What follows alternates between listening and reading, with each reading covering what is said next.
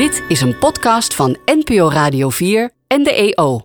In, in het begin van de wereld, to- toen was er nog helemaal niks. Alleen een so- soort van jeugdboerderij met, eh, met twee, twee mensen, Mozes en Alibaba. Maar, ja, maar die, ja, maar die hadden van een giftige appel gegeten en toen waren ze in slaap gevallen. En toen moest het keihard gaan regenen en zo hard dat, dat de dieren van de boerderij bijna verdronken waren. Maar toen had Jezus dat, dat water veranderd in rode wijn en toen was het een rode zee geworden en die ging uit elkaar. En de ene helft had de walvis opgezopen en de andere helft Jonas de dood. De Bijbel volgens Hans maar- Iedereen lacht, want iedereen weet dat dit niet het officiële Bijbelverhaal is.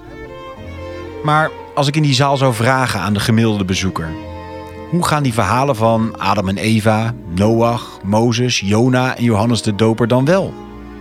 Hoe groot deel zou dat nou goed weten na te vertellen? En tegelijkertijd kun je om die verhalen niet heen, want ontzettend veel kunst is door de Bijbel geïnspireerd. Van Caravaggio tot de Coen Brothers, van Dostoevsky tot Dumas en van Gentileschi tot Gershwin.